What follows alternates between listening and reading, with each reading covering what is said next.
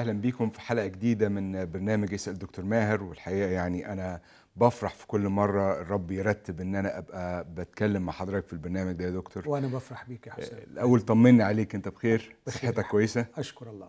طيب عظيم. الحقيقة النهارده هبقى بحاول أتناقش مع حضرتك في موضوع يمكن آه، ليه آه، خصوصية شديدة بالنسبة لي أنا. ويعني زي أي موضوع دايما بيبقى نابع دايما عن سؤال عندي أنا شخصيا أو نابع من قصتنا إحنا شخصيا. وأفتكر إنه من 10 12 سنة آه، في الوقت اللي تقريبا كانت خدمتي فيه في مرحلة مفصلية وفي نفس الوقت زوجتي فيه كانت حامل في آه، طفلتنا الأولى خبطت فيا آية في آه، كورنثوس الأولى أربعة خلقت لي أزمة.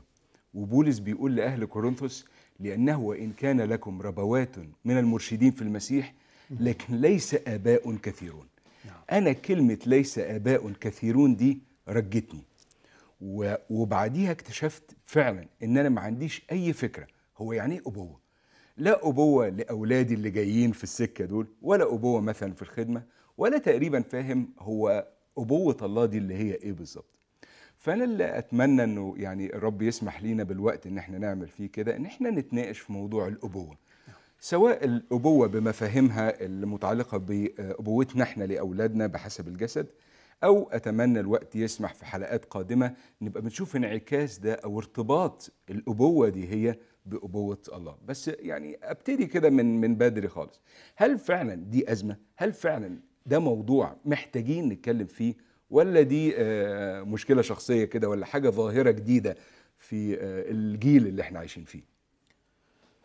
يعني بلا شك يا حسام موضوع في غاية الأهمية والخطورة آه، من نواحي كتير قوي قوي آه، من ليه جذور أكيد آه، كتابية مسيحية روحية في الكتاب المقدس فخلينا نقول ممكن نناقشه من على البعد اللاهوتي. الله الخالق هل هو مجرد خالق أم هو أب لجميعنا؟ الله عنده أبوة ممكن نناقش ده على المستوى اللاهوتي. آه، ممكن نناقشه على المستوى الفلسفي. آه، أنا أعتقد أنه الفلسفة كتير بتشير إلى الموضوع ده.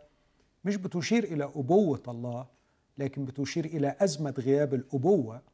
آه، بصفة عامة عند الناس ومن الممكن أنها تترجم في مشكلة الاغتراب. مم. ومشكلة الاغتراب آه، أنا في وقت من الأوقات كنت مشغول بيها قوي لقيت آه، جمعت مش أقل من ثمان فلاسفة عظماء في القرن ما بين القرن الثامن عشر والقرن العشرين آه، بدءا مثلا من إيمانويل كانت وهيجل ومرورا بماركس ثم سارتر ثم ألبرت كامو وغيرهم اللي كتبوا بعمق عن مأساة الاغتراب يعني كتير منهم كتبوا والسؤال اللي دايما كنت أسأله يا ترى الاغتراب عن إيه بالظبط. ومن وجهة نظري لي طرح في هذا أنه أزعم أنه اغتراب عن الأب. مم. آه، من الممكن مناقشته على المستوى السيكولوجي. والنهاردة في أبحاث كتيرة جدا بتناقش أزمة غياب الأبوة آه، على المستوى النفسي. معاهد الأبحاث النفسية والاجتماعية لا تكف كل يوم والتاني عن كتابة بحث علمي في هذا المجال. أتذكر من بضعة سنوات وقعت في دراسة آه، من أستراليا. الدراسة صدرت 2013 بس الدراسة نفسها بتدرس 18 دراسة اتعملوا من 2003 ل 2013 يعني في خلال 10 سنين جمعوا أهم الدراسات اللي اتعملت على مشكلة الأبوة. والدراسة دي كانت آه، يعني غرضها إنها تطلع خلاصة ال 18 دراسة دي. النتائج بتاعتها مخيفة. بتبين قد إيه الدمار اللي نتج في العالم ولا سيما مؤخرا لما ازدادت نسبة الأطفال اللي بيعيشوا مش مع أبوين بيولوجيين. يعني مش أبوه وأمه اللي خلفوه. لكن بيعيشوا مع أب مع أم single father single single parent يعني أو single mother فالدراسة بترصد على تسع مجالات. بدءا من السمنة والمناعة التحصيل الدراسي والانحرافات السلوكية الجنس في وقت المراهقة كل جوانب الحياة التحصيل الدراسي يعني فرق شاسع في الطفل اللي, اللي قادر يستمتع بأبوة أبوه اللي محروم من أبوة أبوه. آه، وهكذا. فيعني على المجال السيكولوجي كتير. فأنا بقول المجال اللاهوتي المجال الفلسفي ثم المجال السيكولوجي وال- والاجتماعي. فإجابتي بكل تأكيد النواحي العلمية والنواحي الكتابية آه، أعتقد أنها تؤكد على أهمية آه، توافر الأبوة آه، وغيابها قد إيه بيسبب أزمة عنيفة. بس مجرد أذكر حاجة أخيرة قبل ما أديلك فرصة تسأل بقى في اللي عايز تسأل فيه. من قديم الزمن من الفلاسفة القدماء أيام اليونان وقبل مجيء المسيح بولس وهو بيحاجج في أعمال 17 آه، قال لهم كما قال أحد شعرائكم أننا ذرية الله.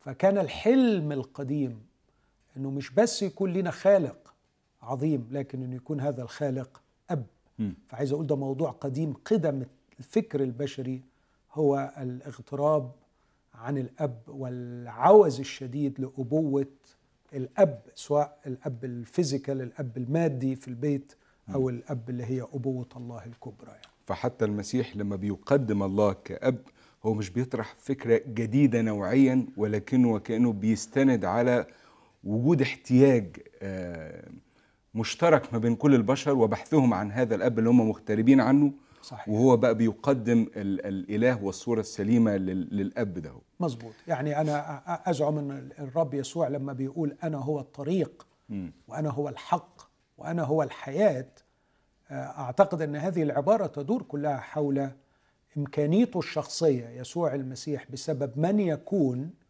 إمكانيته في آه، إصلاح ذات البين أو إرجاعنا إلى أبينا السماوي علاج اغتراب الإنسان فهو طريق الآب إلينا وطريقنا نحن إلى الآب وهو الحق من جهة حقيقة هذا الآب بعد أن امتلأت عقولنا بأكاذيب من جهة هذا هذا الآب ثم قدرته على إعطائنا نوع الحياة الذي يمكننا من السكنة في بيت الآب والشركة معه في نفس نوعية حياته.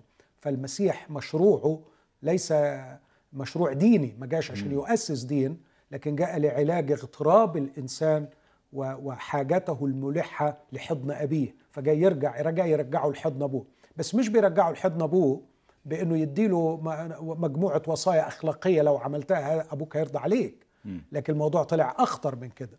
طلع إن إحنا محتاجين نعرف مين هو الآب عايزين طريقه إلينا وطريقنا إليه محتاجين نرجع له ومحتاجين الحقيقة من جهته ومحتاجين نوع حياة يمكننا من العلاقة معه وهذا ما يقدمه المسيح يسوع. آمين. يعني أنا متلهف جدا للمرحلة أو للمحطة اللي في الحوار بتاعنا سواء في الحلقة دي أو في حلقات قادمة اللي نوصل فيها للاعتبارات اللاهوتية والفلسفية المتعلقة بالابوه لكن أتخيل يمكن يكون من الأسهل حتى لكل المشاهدين إن إحنا نبتدي من النقطة اللي أغلبنا فيها. أنا عندي عيال محتاج أربيهم أو أنا ليا تاريخ تعاملات مع أبويا والتاريخ ده مش دايما مرضي بالنسبة لي والحقيقة ممكن يكون مزعج جدا بالنسبة لي. فأنا عايز أبتدي من النقطة اللي إحنا فيها النهارده. إحنا كلنا نشأنا في بيوت واغلبنا أو كثيرين منا عندهم أطفال. وهي وإحنا بنتكلم بقى عن إنه في واضح إن في أزمة ليها علاقة بموضوع الأبوه. فإيه هي الأبوه؟ يعني لما بنتكلم عن فكرة الفاذر هود إحنا بنبقى عايزين نقول إيه؟ من هو الأب؟ سؤال جميل و... و... وأساسي وحتمي ومن حقك تسأله بس صعوبته عندي كيف يعني أجمع كل ما يدور في خيالي وفكري عن روعة الأبوة وسموها وعمقها ومعانيها العريضة في في جملة أو جملتين مم. في صعوبة شديدة. لكن خليني أقول آه، كلمتين آه، بس أتمنى إنه ما يكونوش حصريتين فسيظل معنى الأبوة أكبر من اللي هقوله. فخليني أقول إنه الأبوة على قد ما أقدر يعني أوصفها باختصار أقول ليست عملية تلقيح بويضة لإنتاج طفل ثم انفاق باقي العمر لإعالته. للإنفاق عليه لكي ما ينمو جسمانيا ويتعلم وبعدين أبقى أنهيت مسؤوليتي من جهته. فمش مجرد عملية بيولوجية ألقح بويضة أجيب طفل أصرف عليه أعلمه خلاص أنا خلصت. مش دي الأبوة خالص. دي عملية بيعملها sorry to say it بيعملها الحيوان. إنه إنه إنه بيلقح وبيخلف وبيهتم بأطفال لغاية ما يقفوا على رجليهم. لكن الأبوة الإنسانية بسميها عملية أنسنة الطفل. أنسنة الطفل. فأنا مش بربي الطفل بعوله ماديا وجسديا أنا بأنسنه. هذا الطفل هذا الكيان حتة اللحمة اللي اترمت بين إيديا دي آه، ده مشروع إنسان. ومطلوب مني أن أؤنسن هذا الكائن لكي يكون إنسانا نافعا لنفسه ناجحا نافعا لوطنه نافعا لعائلته يعرف إلهه يعرف هويته له شخصية. فكل ما تحويه كلمة إنسان من جمال وقوة وعظمة هي مسؤوليتي كأب تجاه أولادي. فهي عملية انسنه هذا الطفل لكي يكون إنسانا. لو حبيت أختصرها أكتر شوية أقول هي ممكن رعاية وليست إعالة.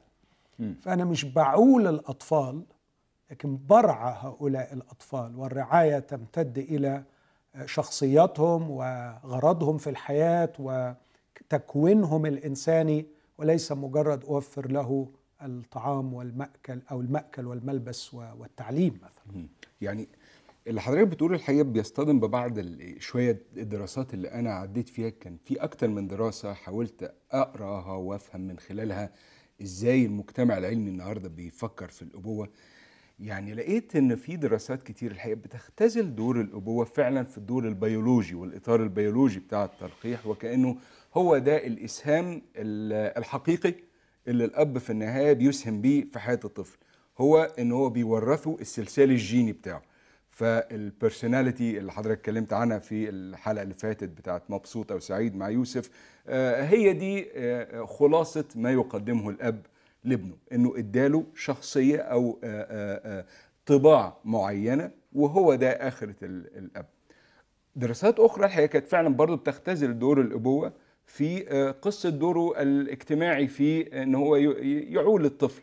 وإن هو يطمن إن هو بياكل كويس وبينام كويس وبيشرب كويس وبيتدفى كويس وبيدرس علشان يبقى كائن بتاعنا فاللي حضرتك بتقوله إنه الاثنين دول لو إحنا اكتفينا بيهم كأننا بنصغر من حجم الأبوة الإنسانية وبنختزلها وفي الآخر ما بتبقاش مختلفة عن الأبوة الحيوانية. إنه في النهاية ما هو الحيوان برضه بيعرف يعمل نفس الحاجتين أو هو ده اللي بيحصل فعلا. صحيح. فاللي انت بتتكلم عليه بقى انه لا الأب ده وكأنه أصبح مسؤول عن مشروع إنسان جديد هو بيصنع فيه. تماما. وخلينا أقول حاجة يعني مش عايز أكون جادجمنتال يعني لكن بفكر معاك هو إيه الغرض من الدراسات دي؟ امم وهل الدراسات دي فعلا حقيقية؟ مم. هل لو أنا يعني قلت لابني يعني تخيل في في لحظة كده علاقة جميلة بيني وبين ابني قاعدين قاعدة وبقول له على فكرة أنا كل اللي بيربطني بيك هي الجينز. فأنت مجرد إنك أخذت جيناتك مني وأنا كل مسؤولياتي تجاهك إن نصرف عليك. إيه شكل العلاقة دي؟ وإيه نوع الأب ده؟ ومن يقبل بهذا؟ فالسؤال اللي يخليني أقول لماذا لا نستسيغ هذا الطرح على المستوى الإنساني في في حياتنا وبعدين ألاقي دراسة طالعه بتقول كده وأنا أحب إنك تبقى تبعت لي الدراسات دي من فضلك لأن أحب أطلع عليها. لكن آه، اللي أنت بتقوله ده من وجهة نظري دون أن أكون يعني جادجمنتال أو قاسيا في حكمي أقول هو محاولة شرعنة الفشل. آه، لما بنلاقي روحنا عايشين في حالة من فشل الأبوة والعالم كله يعاني من ازمه أبوة فأفضل حاجة تقول لا إحنا مش فاشلين ولا حاجة هو ده آخرنا. هو ده المفروض هو ده الطبيعي. آه، يعني ال ال الم كل العيال في المدرسة ساقطين.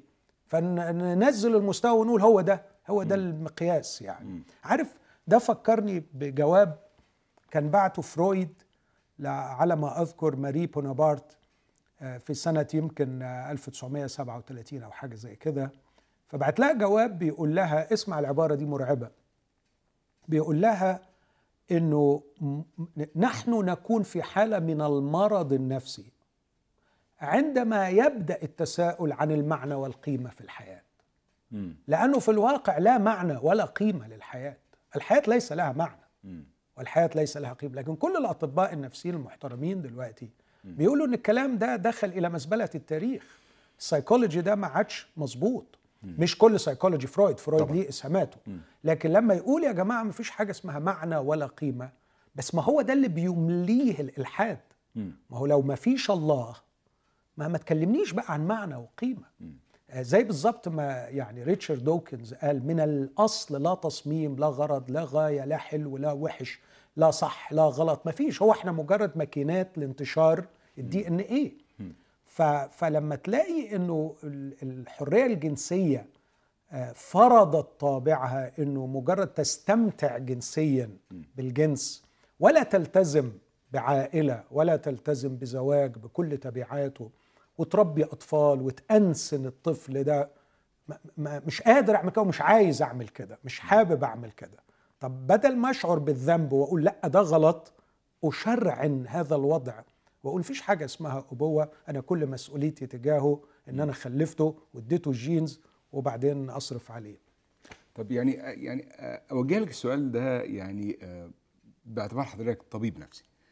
أتخيل إنه يعني مع حجم الناس اللي بتيجي لحضرتك في العيادة وتكلمك عن خبرات فشلهم كآباء أو خبرات فشلهم كأبناء أو خبرات فشل آبائهم في إن هم يتعاملوا معهم ده ما بيوصلكش ليه لنفس حالة اليأس دي وتشرعن برضو نفس ال- الوضع. لو لو هو ده اللي المفروض يحصل ولكن مش راضي يحصل طب ما يمكن هو ما كانش المفروض يحصل من الأول. يمكن إحنا فعلا مش أكتر من ماكينات لانتشار الدي إن إيه. آه، خلينا أوسع اللي اللي أنت بتقوله شوية يا حسام. يعني أنا لما أنت طلبت مني إن إحنا نتكلم في موضوع الأبوة أنا راجعت نفسي هو أنا إيه آه، مصادري علشان أتكلم في موضوع زي كده يعني؟ فلقيت إن أنا عندي أربع مصادر عندي خبرة كابن.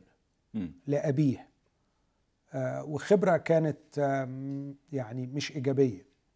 فأنا لا, لا أزعم إنه أبويا كان متاح ليا آه، أو أزعم إن أبويا لم يكن متاحا لي.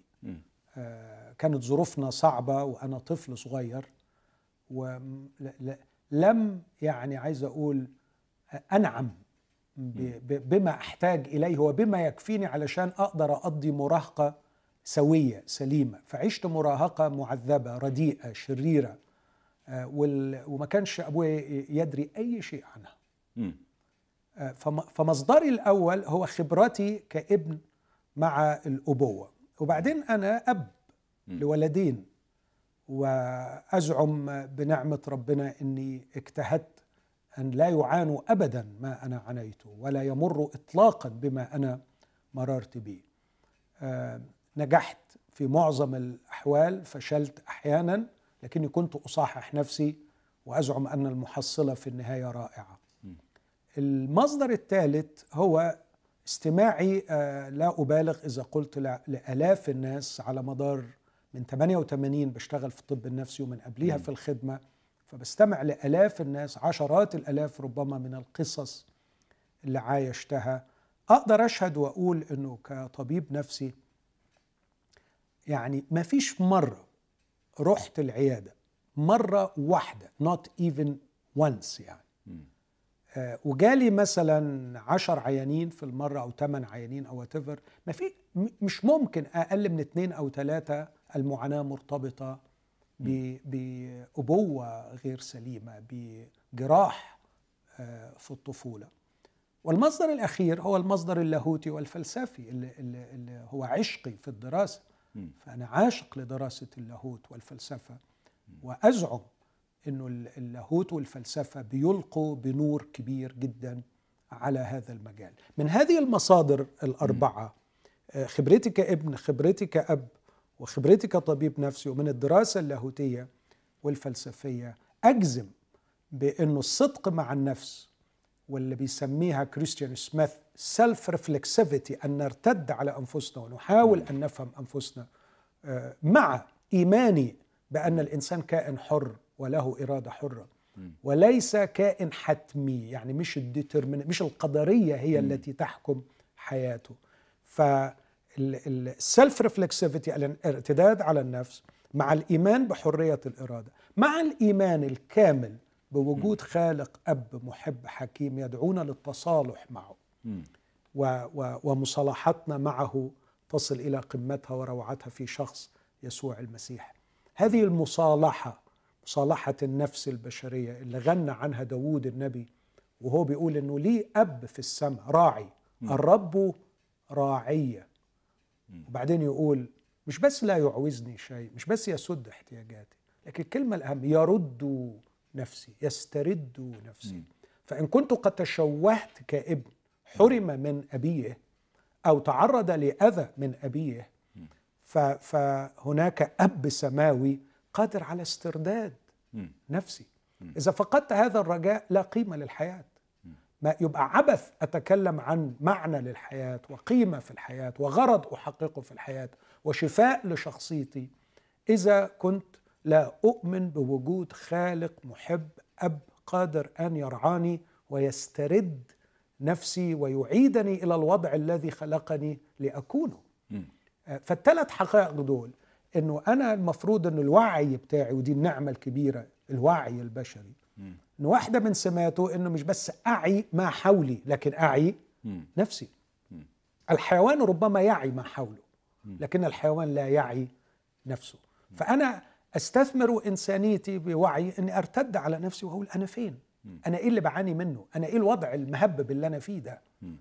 ارتدادي على نفسي مع إيماني بحرية الإرادة وإنه مش قدر محتوم علي أن أعيش ما صرت لكن الإرادة الحرة تجعلني آخذ قرارات في اتجاهات سليمة مع الإيمان بوجود خالق محب أب يستطيع أن يسترجع لي نفسي التي تشوهت. ده اللي يخليني أرفض تماما فكرة آه، إنه إنه لأ ما فيش حاجة اسمها أبوة وما فيش أمل في التقدم وعلاج أزمة الأبوة. وعلينا أن نقبل بقليلنا يعني نقبل باللي موجود ونعيش مسحوقين. أباء بيأذوا عيالهم وأباء بيهملوا عيالهم وأطفال مش لاقيين أي نوع من الرعاية يدوب مجرد إعالة. أعتقد إنه أرفض بشدة هذا الفكر بسبب الأشياء الثلاثة دول.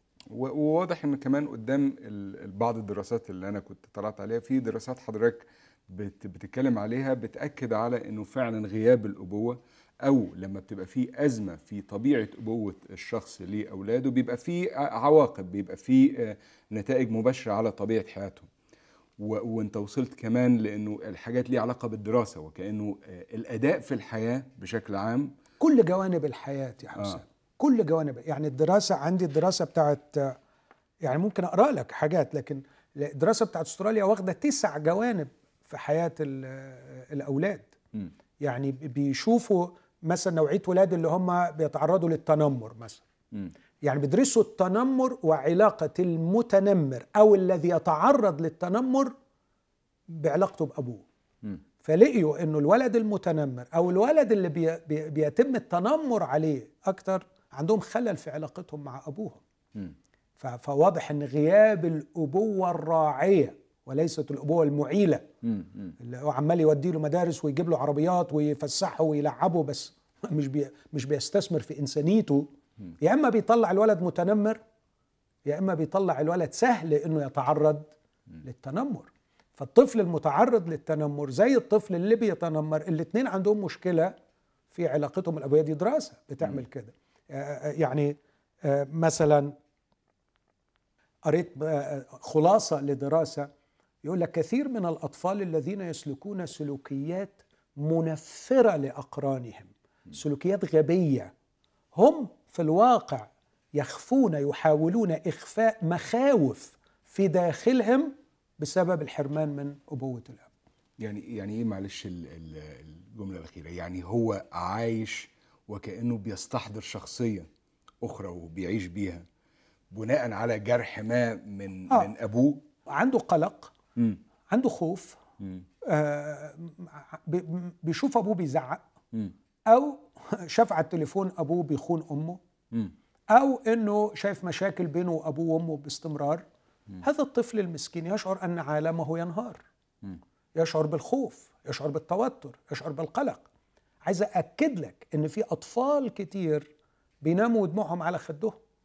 والآباء لا يدرون شيئا عن هذه الدموع ولا يقدروا يصرحوا. الأطفال دول آبائهم من الخوف بالمعاناة التي يعانونها. طب المعاناة دي هتروح فين؟ هتروح فين المعاناة؟ ما عندوش أصحاب يسمعوه ما عندوش آه، مرشد نفسي يسمعه. هذه المشاعر المبلوعة تترجم إلى سلوكيات. سلوكيات طفل خايف وقلقان ومتوتر. يا إما بعضهم ينزوي وينسحب وبعضهم يتنمر ويصبح شرسا وعنيفا وكأنه عليا وعلى أعدائي. ما أنا عايش في دمار هدمر كله. وأنا ليه بقى أنا عايش يعني منزعج؟ انزعاجي ينبغي أن يعم. فأنا منزعج وأزعج. أنا خائف وأخيف. أنا مهدد وأهدد.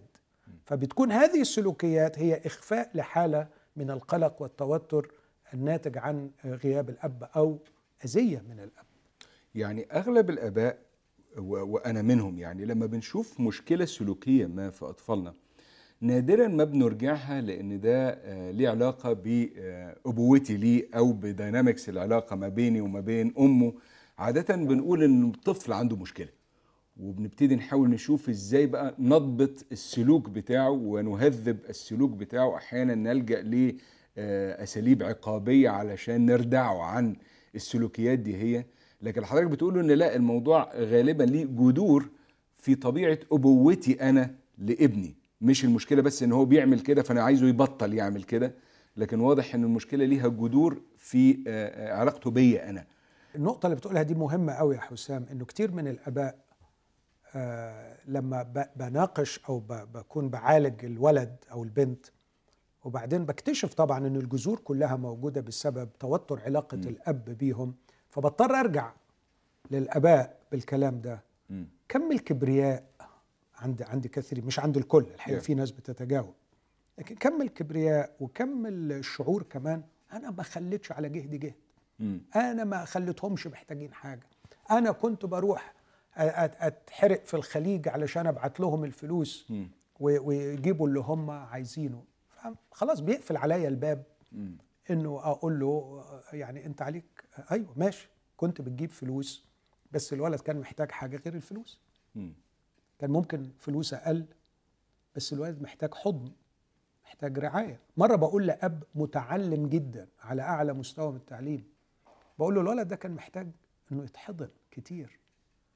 بص لي باشمئزاز وقال لي حضن إيه يا دكتور؟ وكلام فاضي إيه؟ إيه الدلع ده. حضن إيه؟ حضن إيه؟ والولد مدمر وبيحاول ينتحر. وبعدين بقول له لأ على فكرة الحضن مهم جدا لإنشاء إنسان سليم. رد عليه قال لي إحنا ما طول عمرنا ما اتحضنا وأنا زي الفل أهو. ما قدرتش بقى أتجرأ أقول له لا حضرتك على فكرة مش زي الفل ولا حاجة أنت يعني حاجة تاني غير الفل خالص يعني. ففي كبرياء يخلي الآباء بي- بيرفضوا مواجهة أنفسهم بالحقيقة. وطبعا بعضهم غصبا عنه ما حدش فهمه ما حدش علمه. ما حدش قال له إن الأبوة ليست مجرد آه، إعالة لكنها رعاية. وإن كنت مش قادر يعني ألتمس لهم عذر كامل لأني رأيت قرويين رأيت ناس بسطاء جدا في أعماق الصعيد يمارسون الأبوة بكل معنى الكلمة. ما زلنا نقرأ آه، حسام شهادات من شباب وشابات يتكلمون عن آبائهم بشكل غاية في الروعة في قصص قصص غاية في الروعة من أعماق الصعيد عن ناس لم يحصلوا على أي قدر من التعليم لكن عاشوا أبوة. حقيقية لأولادهم وأولادهم يعني فخورون بهم بشكل لا تتصوروا فأنا مش قادر يعني ألتمس العذر قوي للي بيقول ما حدش علمنا وما حدش فهمنا. الحاجة الثانية لو أنا سبت ال- الوسط المصري بتاعنا ورحت شوية للوسط الغربي إنه آه، ال- اختزال الإنسان إلى مجرد ماكينة لاستمرار الدي ان إيه طبعا هترمي اللوم على الماكينة. آه، هي المكنة كده. هو الولد ده أعوج كده. هو ده مشكلته كده. الأمر الثالث ودي نقطة يعني سنسيتيف شوية حساسة. انتشار الوعي بالطب النفسي النهارده. ودي حاجة كويسة. لكن من ضمن المآسي اللي بشوفها يعني أهو أديني جبته لك. اتفضل. يلا بقى صلح لنا دماغ الولد ده يعني. فيبقى هو خرب في الولد عشر سنين 15 سنة وبعدين مش أنت طبيب نفسي؟ وأنت إيه شغلتك؟ وكأني املك يعني لسه الأسبوع ده واحدة عمالة تحكي مشاكلها وبعدين قلت لها من فضلك. ثانية واحدة بس قولي لي أنت لما جيتي لي توقعاتك مني إيه. فسكتت كده وقالت لي آه ي- تديني حباية أبقى بيها إنسانة تانية. هو ده التوقع عن الطب النفسي. وأنا من هنا بقول هذا هراء. الطب النفسي ليس سحر خصوصا مع مشاكل الأطفال. ما خربه الأباء في نفوس الأطفال بالإيذاء بكل أشكاله سواء كان إيذاء بالتباعد والبعد. وبفكرني أقول لك هو إيه عكس الإيذاء؟ الشكل السليم يبقى شكله إيه؟ آه، آه، ما خربه الأباء. لن يعالجه الطبيب النفسي في في جلسة ولا جلستين ولا عشرة ولا سنة ولا سنتين ولا أحيانا بقى زي ما يتصور البعض بحباية ولا حبايتين فالقاء اللوم على الطفل وإن هو دي مشكلته وتبرير أنفسنا آه، جزء من مأساة الإنسان اللي مش عايز يعترف بخطأه. يعني ده ده يخليني برضو أبقى بفكر وانتبه. هو هو إيه هي أوجه الإيذاء اللي ممكن يكون الأب بيتسبب فيها في طفل؟ يعني لو حضرتك بتتكلم على الأب اللي فعلا قرر إن هو آه، عايز يطمن على مستقبل أولاده فقرر إن هو آه، يكافح ويسافر ويشتغل آه، 15 و16 ساعة في اليوم علشان يجيب فلوس يخلي ولاده بيها عايشين آه، حياة مرتاحة زي ما بيحبوا يعني أو بيتقال يعني. فده أب واضح إن هو تحمل مسؤولية. لكن يبدو إن حضرتك بتتكلم عن وجه آخر للمسؤولية لما ما تحملوش أذى الطفل آه، أنا مش عارف الأب يعني آه،. يعمل إيه ولا إيه؟ أقرأ لك يشتغل ويجيب فلوس ولا يقعد مع الولد؟ اسمع طيب دي دي خلاصة دراسة. تعتبر جودة علاقة الأب بالطفل؟ جودة العلاقة علاقة الأب بالطفل أهم من العدد المحدد للساعات التي يقضوها معا. يمكن للآباء الغير مقيمين مع الأبناء أن يؤثروا ايجابيا على وضع أبنائهم اجتماعيا وعاطفيا وسلوكيا وإنجازاتهم الدراسية. فالمسألة مش مسألة آه، بتقعد معاه قد إيه. طبعا كل ما تقعد معاه أفضل. لكن who are you أنت مين بالنسبة له. مين بابا؟ مين بابا بالنسبة له؟ على فكرة أنا عندي أولاد في الفترة اللي فاتت دي العيال جم هقول لك بأمانة في عيال فكرت في الانتحار وفي عيال اتمنت الموت لأبائهم لأنه في زمن الكورونا اضطروا يقعدوا مع أبائهم. مم. يعني الأب بقي متاح. فالأب بيقعد مع عياله. ودي بقت مصيبة بقت. مصيبة. بقي بيفكر يا إما ينتحر يا إما يشوف له طريقه يخلص بيها من الأب ده. مم. فاتس ما هياش القضية قد إيه وقت. مم. أيوه أنت مسافر. آه إيه نوع التواصل بينك وبين ابنك؟ إيه إيه إيه عمق التواصل؟ هل ابنك يعني يشعر بال بال بالسلام والطمأنينة لمجرد إنه إنه عارف إن بابا هناك متاح ليا إن بابا حكيم انف هيرشدني لو أنا اتزنقت في قرار. هل أنت الأب اللي الابن ما ينفعش يخبي حاجة جواه لأنه يشعر إنه ممكن يضيع نفسه لو فضل مخبيها لازم يشارك بيها؟ أبوه لأنه شاعر بالأمان مع أبوه. إيه نوع الأب. فما هياش انت بتقعد قد إيه معاه على قد ما هي انت مين؟ وايه نوع التواصل اللي بينك وبين الولد؟ فأنا مقدر الضغط اللي بيخلينا أحيانا نبعد عن أولادنا لكن وأنا بعيد عنهم أنا connected أنا ملتصق بيهم. في نوع من ال attachment مم.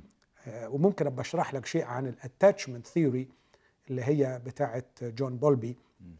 لما شرح ال attachment السوي نظرية التعلق. تعلق نظرية التعلق إزاي الولد يبقى مرتبط بأبوه؟ ليها ليها سمات جميلة. فدي لو لو أنا عملت اللي بيقول عنه الراجل ده آه، مش هتفرق كتير إن أنا أكون موجود طول الوقت ولا غايب معظم الوقت. فحضرتك شايف إنه مش ضروري يكون الأب قادر يوفر كم رهيب من الساعات يقضيه مع الأولاد؟ على قد ما يبقى مطمن هو بالنسبة لأولاده مين؟ ال availability إن متاح لهم لا تعتمد على تواجدي الجسدي معهم. موضوع أعمق من كده. okay. ف... يعني خليني أقول لك جون بولبي مم. بي- بيوصف إزاي ال attachment ده. فأنا أنا مح أنا الهدف اللي في ذهني أن يكون هناك علاقة بيني وب و وابني أو أنا وبنتي علاقة قوية تتميز بالأربع صفات دول. الصفة الأولى أن يكون قربي مرغوبا دائما. قربي مرغوب دائما. يعني الولد أو البنت عايزني دايما أبقى مو يحب يقرب مني. لغاية النهارده لما أبقى قاعد لوحدي في سرير ألاقي واحد من ولادي جه وراح ممدد جنبي. أبقى عارف إنه عايز يحكي. ف, ف يحب القرب مني. الأمر الثاني فبسميها حب القرب. مم. الأمر الثاني الميناء الآمن. الميناء الآمن يسميها جون بولبي ال safe haven.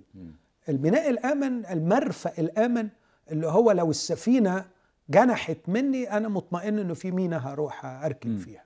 فلو أنا تعرضت لمشكله وأنا بجري في الدنيا لو أنا وقعت لو أنا اتكسرت لو أنا اتخانقت لو أنا عملت مشكلة لو أنا خبطت حد لو حد خبطني أنا عارف هروح لبابا. مم. الحاجة الثالثة يسميها قاعدة الانطلاق. الواد بيجري في الدنيا بحرية وبياخد قرارات وبيروح وهو شاعر بحرية وشجاعة وجرأة ومبادرة لأنه مطمن إن في ظهر وراه. مطمئن إنه في قاعدة ينطلق منها ويرجع إليها. فكم الثقة اللي واخده في علاقته مع أبوه هو اللي بيمكنه مش اللزقة في أبوه لكن يمكنه من؟ إنه ينطلق. انطلق بعيدا عن أبوه. وآخر حاجة آه، ألم الفراق. إنه لو البعد والفراق زيادة لا غياب بابا بالنسبة لي آه، يوجعني. فبيجتهد إنه يعني يجسر الفجوة أو إنه يلتقي بأبيه ويتكلم مع أبيه. فلو قعد كام يوم ما اتكلمش مع أبوه يشعر كأنه ما خدش الجرعة بتاعته. ما خدش الدواء بتاعه. فهذا ال attachment هذا التعلق هذا الارتباط أو خلينا بنسميه أحيانا ال bonding الارتباط النفسي والروحي بيني وبين ابني أيوه أكيد يحتاج إلى وقت. لكن الأهم من الوقت مين؟ مين الشخص؟ يعني إذا كنت أنا بقول من شوية أنا عايز أخليه إنسان طب أسأل نفسي وأنا إنسان الأول. مم. هل أنا إنسان أتحمل المسؤولية؟ هل أنا إنسان أفكر في الأمور العميقة؟ ولا أنا راجل كل اللي بفكر فيه الشيشة والمتعة والكاس والجري والتنطيط وأدور لي على واحدة غير أمه وأبص هنا وأبص هنا وأدخل على مواقع الإباحية والواد يكتشف والبنت تكتشف. في في بني في راجل في إنسان ولا ما فيش؟ فالمسألة مسألة الوقت أكيد مهمة علشان نخلق البوندنج ده نخلق التعلق ده اللي يوجد الأربع صفات لكن آه، مش الوقت هو العامل الوحيد. يعني عندي زحمة أفكار وأسئلة كتيرة الحقيقة جوايا من بسبب اللي حضرتك بتقوله لكن هل حضرتك توافقني إنه يبدو وكأن خبرة الأبوة أو دور الأبوة هي كأنها علامة أو اختبار لنجاح مدى إنسانية هذا الأب. يعني عادة عادة بيبرر الأب لنفسه وأنا مش بتكلم عن ناس غيري أنا بتكلم عن نفسي. بيبرر الأب لنفسه بعد التخاذل في الأدوار بقى اللي حضرتك بتتكلم عليه والأربع حاجات دول أنا عايز أرجع لهم يعني أستأذنك يعني أرجع لهم. بيبرر تخاذله فيهم بيكونوا مجتهد في إن هو يأمن لهم مستقبلهم. ودي الكلمة اللي يمكن عادة بتستخدم ف وبيفترض إنه هو بما إنه هو إنسان ناجح في شغله وفي الكارير بتاعته وبيعرف يكسب فلوس وعارف يحصن لأولاده بيت آه كويس و... وآمن خارجيا يعني اذا فهو كده إنسان ناجح. فاللي حضرتك بتقوله لا يعني يبدو ان الموضوع مش مش مش هو ده اختبار الإنسانية قوي على قد ما قد إيه هو عارف يؤنسن آخر عارف يصنع من من طفله إنسان. يعني خلينا أقول محتاج الشخص ده مع كل احترامي لمجهوده وكفاحه لكن أحب أقول له حاجتين أنت محتاج إعادة تعريف ما هو النجاح. وإعادة تعريف ما هي التربية السليمة. النجاح ليس نجاحك الوظيفي لكن نجاحك كإنسان. انت لو نجحت في وظيفتك مبروك برافو حقيقي برافو. بس أرجوك افضل فاكر إنك ناجح في وظيفتك. لكن ده ما يعنيش إنك ناجح في إنسانيتك. الإنسانية أوسع وأعرض وأعمق وأبقى وأعلى من إنك تكون ناجح كطبيب.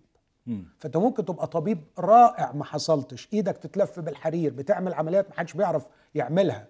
بس حضرتك أب فاشل زوج فاشل صديق لا يعتمد عليك. الأخلاق من الممكن أن تكون فاشلة. فالنجاح الوظيفي لا يعني اطلاقا النجاح الإنساني. الإنسانية كبيرة قوي واسعة يا حسام. ابني ما ما مش مش مش هينفعه نجاح الوظيفي في تكوين إنسانيته وتكوين شخصيته. اللي هينفعه إن أنا هجيب له العربية بسبب نجاح الوظيفي. لكن الولد مش هيبقى إنسان بالعربية. ده ممكن يبقى حيوان بسبب العربية. وممكن يبقى متكبر بسبب العربية وممكن يبقى شرس بسبب العربية. وياما بياخدوا العربيات ويكسروها وياما بياخدوا العربيات وبيموتوا بيها. مم. العربية اللي الأب شقي علشان يجيبها له. يجيبها له. ف... فالإنسانية أعظم جدا أن عشان كده بقول من هو الإنسان الناجح؟ هو الناجح في إنسانيته. مم. مش الناجح في وظيفته. آه، ممكن واحد يبقى موهوب موهبة جبارة في مثلا الفن أو في الرسم أو في المزيكا أو في الكورة. ويتقدم بسبب موهبته إلى أعلى درجة في سلم النجاح. وتلاقي أولاده مدمنين مخدرات. أو في العمل الديني حتى. أو في العمل الديني. برافو عليك. أو في العمل الديني. ستار في في في الوعظ والمنابر. لكن ولاده ضايعين. لأنهم حبايبي ما لقيوش حد يكون فيهم انسانيتهم فدي نقطة. النقطة الثانية بقى. بقول إعادة تعريف لما هي التربية. حضرتك قلت كلمة مهمة أنا هعمل مستقبل لاولادي لا دايما بقول على فكرة اعمل ولادك للمستقبل. مش اعمل مستقبل لاولادك. اعمل ولادك رجال ونساء شخصيات رائعة قادرة أن تبحر إلى المستقبل بثبات وبثقة وقادرة على فكرة إنها تنجح في المستقبل بنجاحات أكتر من اللي أنت. عايز تعملها لهم يعني أنت هت هتجيب الديب من ديله هتعمل هتجيب لهم شقق هتجيب لهم عربيات هتسيب لهم فلوس على فكرة لو ما عملتهمش هم ممكن يضيعوا. مم. الفلوس وممكن الفلوس تضيعهم. صحيح. وده شفناه كتير. فالتربية مش مسألة إنك تعمل مستقبل لعيالك. لكن إنك تعمل عيالك للمستقبل وتجهزهم للمستقبل. ف- فمع احترامي للمعاناة وال- والبذل والجهد لكن نفسي أواجه أحبائي الرجال اللي من سني واللي أصغر مني واللي أكبر مني وأقول لهم يعني خلونا شوية نكون أمنا مع أنفسنا وما نستسلمش لخدعة بنخدع بيها روحنا آه، ان إحنا نقول عشان العيال. لا إحنا بنحب الفلوس. أوكي. وبنحب النجاح. وبنحب الشهرة. وبنحب السلطة. وبنحب ننتصر في التنافس مع الشركة اللي جنبي. وبحب إن أنا أسحق اللي في السوق حواليا. وعايز أوصل. وعايز أستمتع. وعايز وبعدين في الآخر بيني وبين الناس آه كله عشان العيال. يعني دي كذبة أحيانا نحتاج إن إحنا نفوق روحنا منها. أنا أنا بالظبط كنت بسأل السؤال ده علشان أوصل للاستنتاج ده لأنه حضرتك وأنت بتتكلم عن أب مثلا أنت بتقول له آه، كان المفروض تقوم بدورك الأبوي تجاه ابنك بشكل مختلف فقال لك يعني ما إحنا أهالينا ما تعبوش فينا ولا ما كانوش مركزين فينا وطلعنا زي الفل. غالبا وهو بيتكلم عن نفسه أو وأنا بتكلم عن نفسي على إن أنا زي الفل عاده ببقى قاصد إن أنا أدائي في مهامي الوظيفية زي الفل. ما أنا هو عرفت أشتغل وعرفت أكافح وعرفت أجيب فلوس وعرفت أجيب لهم البيت والحاجات اللي هم نفسهم فيها فده معناه إن أنا كإنسان زي الفل. فهو كأن نجاحي الوظيفي يعني ما أعرفش حضرتك توافقني ولا ده ولا لأ في ده يعني وكأنه أحيانا بيبقى فخ. كأنه بيكون مناعة عندي ضد أي آه، انتقاد أو محاولة مراجعة للنفس في دور الأبوي. بالظبط. يعني خلاص اختزلت تعريفي للنجاح على إنه النجاح الوظيفي. فكل يوم بقيس نفسي في نجاح الوظيفي أنا الحمد لله مية مية. أنا رجل أعمال رجل أعمال. إيه النجاح رجل الاعمال بيجيب صفقات أكتر بيحقق ربح أكتر الحسابات بتاعته في البنوك مية مية. متغطي الحمد لله. الطبيب آه، شهرته بتزيد وعدد عيانينه بيزيد وشغال كويس والفلوس بتزيد. On. فهو اختزل الحياة كلها إلى خط بياني واحد يقيس عليه وبناء عليه يدي روحه علامات أنا صح. لا أنت مش صح. مم. الحياة أوسع من مجرد نجاحك الوظيفي. طيب حاجة حاجة عملية شوية كده يا دكتور أو يعني مش عارف عملية ولا نفسية ولكن أتخيل إنه آباء كتير وهم مثلا أطفالهم في سن السبع ثمان سنين بيكونوا هم نفسهم مثلا في أواخر الثلاثينات أوائل الأربعينات أولادهم بيكونوا في نهاية فترة الطفولة بداية فترة المراهقة بيكونوا هم شخصيا بيمروا بأزمات نفسية آه، أزمة منتصف العمر مثلا يعني. بيكون هو نفسه مش عارف هو عايز يعيش لإيه ولا عارف هو مين. شخص في الأزمة دي في المرحلة دي من حياته هل من يعني يعني هل من عدم التفاهم مننا أو من ال من ال من الضغط الإضافي عليه إن إحنا نطالبه إن هو يقوم بدور أبوي واضح إن هو معقد ومهم و ومؤثر بالدرجة دي يعني أولا أزمة منتصف العمر لو هتكلم عن دي يعني سبيسيفيكلي لأنك اخترتها هي تعبير أدبي وليس طبي مم. فيعني ما عندناش حتمية آه، طبية تحتم على كل إنسان إنه okay. يعدي في أزمة منتصف العمر مم. لكن أنا بشوفها إنها أزمة وجودية أكتر مم. وأزمة وجودية مش ضروري كل الناس تعدي فيها يعني لكن بيعدي فيها الشخص لما بيوصل مثلا سن الأربعينات لأنه بيبدأ يحس إنه العمر بيجري ويتعمق في داخله السؤال عن معنى وجودي وأنا عملت إيه في دنيتي وأنا مم. مشيت صح وأنا اللي عملته يا نهار أبيض ده عدوا 40 سنة 45 سنة مم. طب أنا أنا وضعي إيه بالظبط. فبتبقى فترة آه، فيها آه، ارتداد على النفس وهذا حسن مم. لمراجعة الرحلة التي سرتها حتى الآن. آه، هو ده أنا. أنا بعمل حاجة اللي أنا مخلوق علشانها ولا أنا عايش في ثوب آه، أبي أو في ثوب الآخرين. أو يعني على قد مثلا مارتن هايدجر فيلسوف الوجود العظيم. آه، هل ما عشت وجود حقيقي أم وجود زائف. مش قادر أستطعم معناه يعني. فهي أزمة وجودية أكتر من كونها أزمة طبية ومش بالضرورة كل الناس تعدي فيها. لكن اللي عايز أقوله إنه ناس كتير قوي كانت الأزمة دي سبب في تغيير مسار حياة للأفضل مم. مراجعة النفس وتنازل عن أشياء وتصحيح أشياء واكتشاف أشياء جديدة وتغيير عقائد خاطئة إلى آخره فمش بالضرورة أن أزمة منتصف العمر دي حاجة وحشة مم. وفي واحد عمل كتاب على الموضوع ده سماه from success I think لحاجة أفضل يعني من ناسي بقية العنوان بتاع الكتاب إنه من من النجاح الوظيفي إلى شيء أفضل. لأنه اكتشف إنه مش كل حاجة النجاح الوظيفي. لكن عندي نقطتين في الحتة دي طب هو أنت افتكرت وأنت عندك 45 سنة مثلا وبتعدي في أزمة إن عندك عيال طب وأنت فين كنت ال مم. 15 سنة اللي فاتوا ولا ال 10 سنين اللي فاتوا.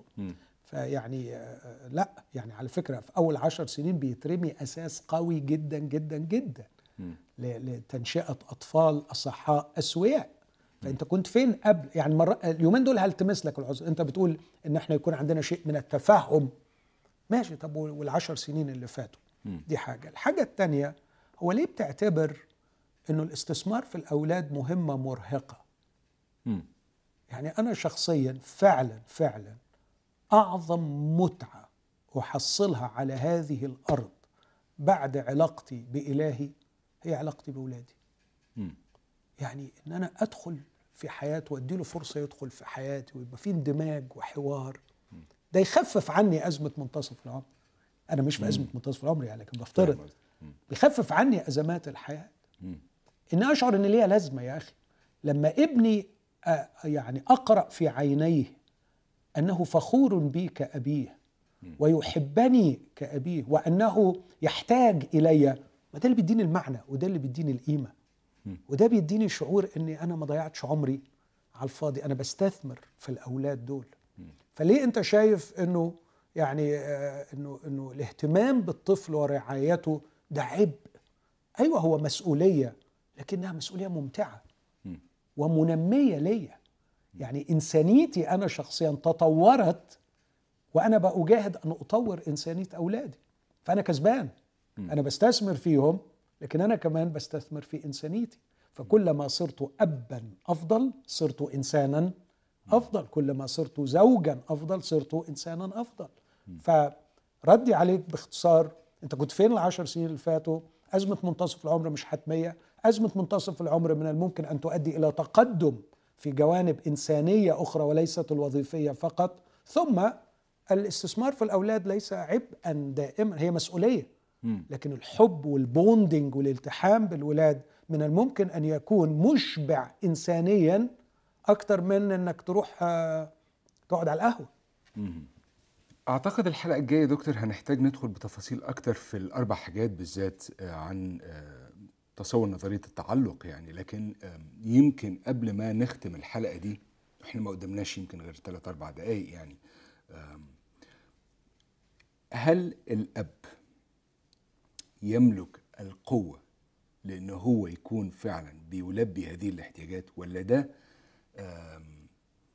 أمنية بس عندنا إنه فعلا الآباء ي- يستفيقوا قليلا ويعني لما بشوف نموذج حضرتك وأنت بتتكلم عن آه، علاقتك بأولادك وأنا يعني قادر أشوف العلاقة دي عن قرب يعني. و و و ومفرحة جدا العلاقة دي والمشهد ده ولكنه يظل مشهد نادر الوجود. هل اللي إحنا بنعمله ده والنقاش ده فعلا منتظر منه ان هو يجيب ثمر؟ ولا الأباء خلاص اللي راح يعني أول عشر سنين بقى من رحلة أبوتهم لأطفالهم ما كانوش واعيين لده و... ولسه يا دوبك النهارده بيفوقوا للقصة دي هي محتم ليهم الفشل وخلاص راحت عليهم. يعني is it too late لأب إن هو فعلا يرجع تاني آه لل track بتاع الأبوة ويشتغل ولا دي خلاص لو كانت فاتت فخلاص راحت عليا و... والطفل راح يعني؟ يعني خليني أقول لك بعض الحاجات بسرعة شديدة. اولا عايز أقول إنه في آباء عاشوا أدوارهم مثاليين ووفروا كل شيء لأولادهم واولاد انحرفوا. فأنا مش بتكلم إنه آباء مثاليين بضمن مليون في المية إن الأولاد هيطلعوا كويسين. فلازم أحط النسبة دي لأنه يبقى تاني الإنسان كائن حر من الممكن بارادته الحرة يختار لنفسه مسار مخالف. لكن الواقع والدراسات العلمية بتقول إن دي النسبة دي قليلة. حيث وجد الآباء الأسوياء الاحتمال الأكبر والمتوقع هو أن يكون الأولاد أسوياء لكن أكيد في انحرافات. دي نقطة. النقطة الثانية زي ما بيقولوا ال ال ال الأمريكان it's never too late أنا شفت أباء بعد الستين بعد ما اتحالوا على المعاش بيصلحوا ما حدث بينهم وبين أولادهم.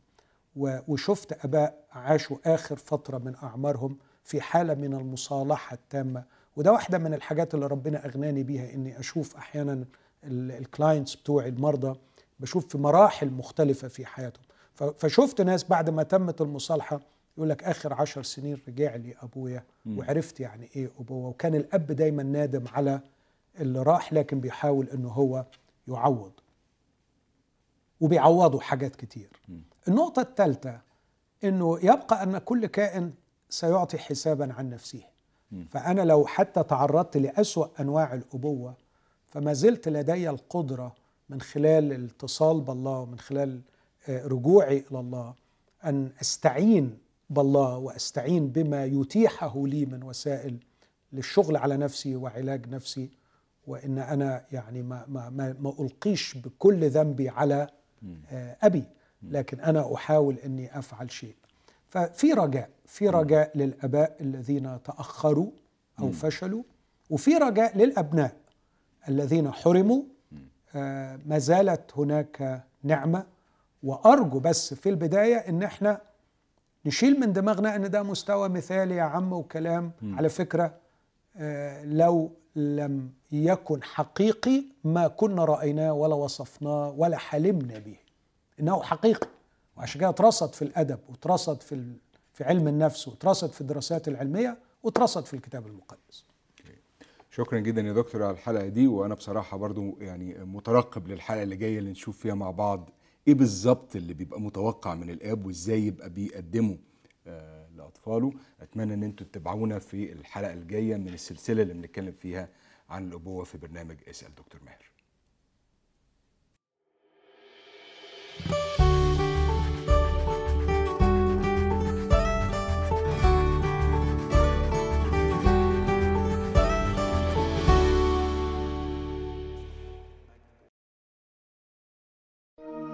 لمشاهدة المزيد من الحلقات زوروا سات 7 بلاس.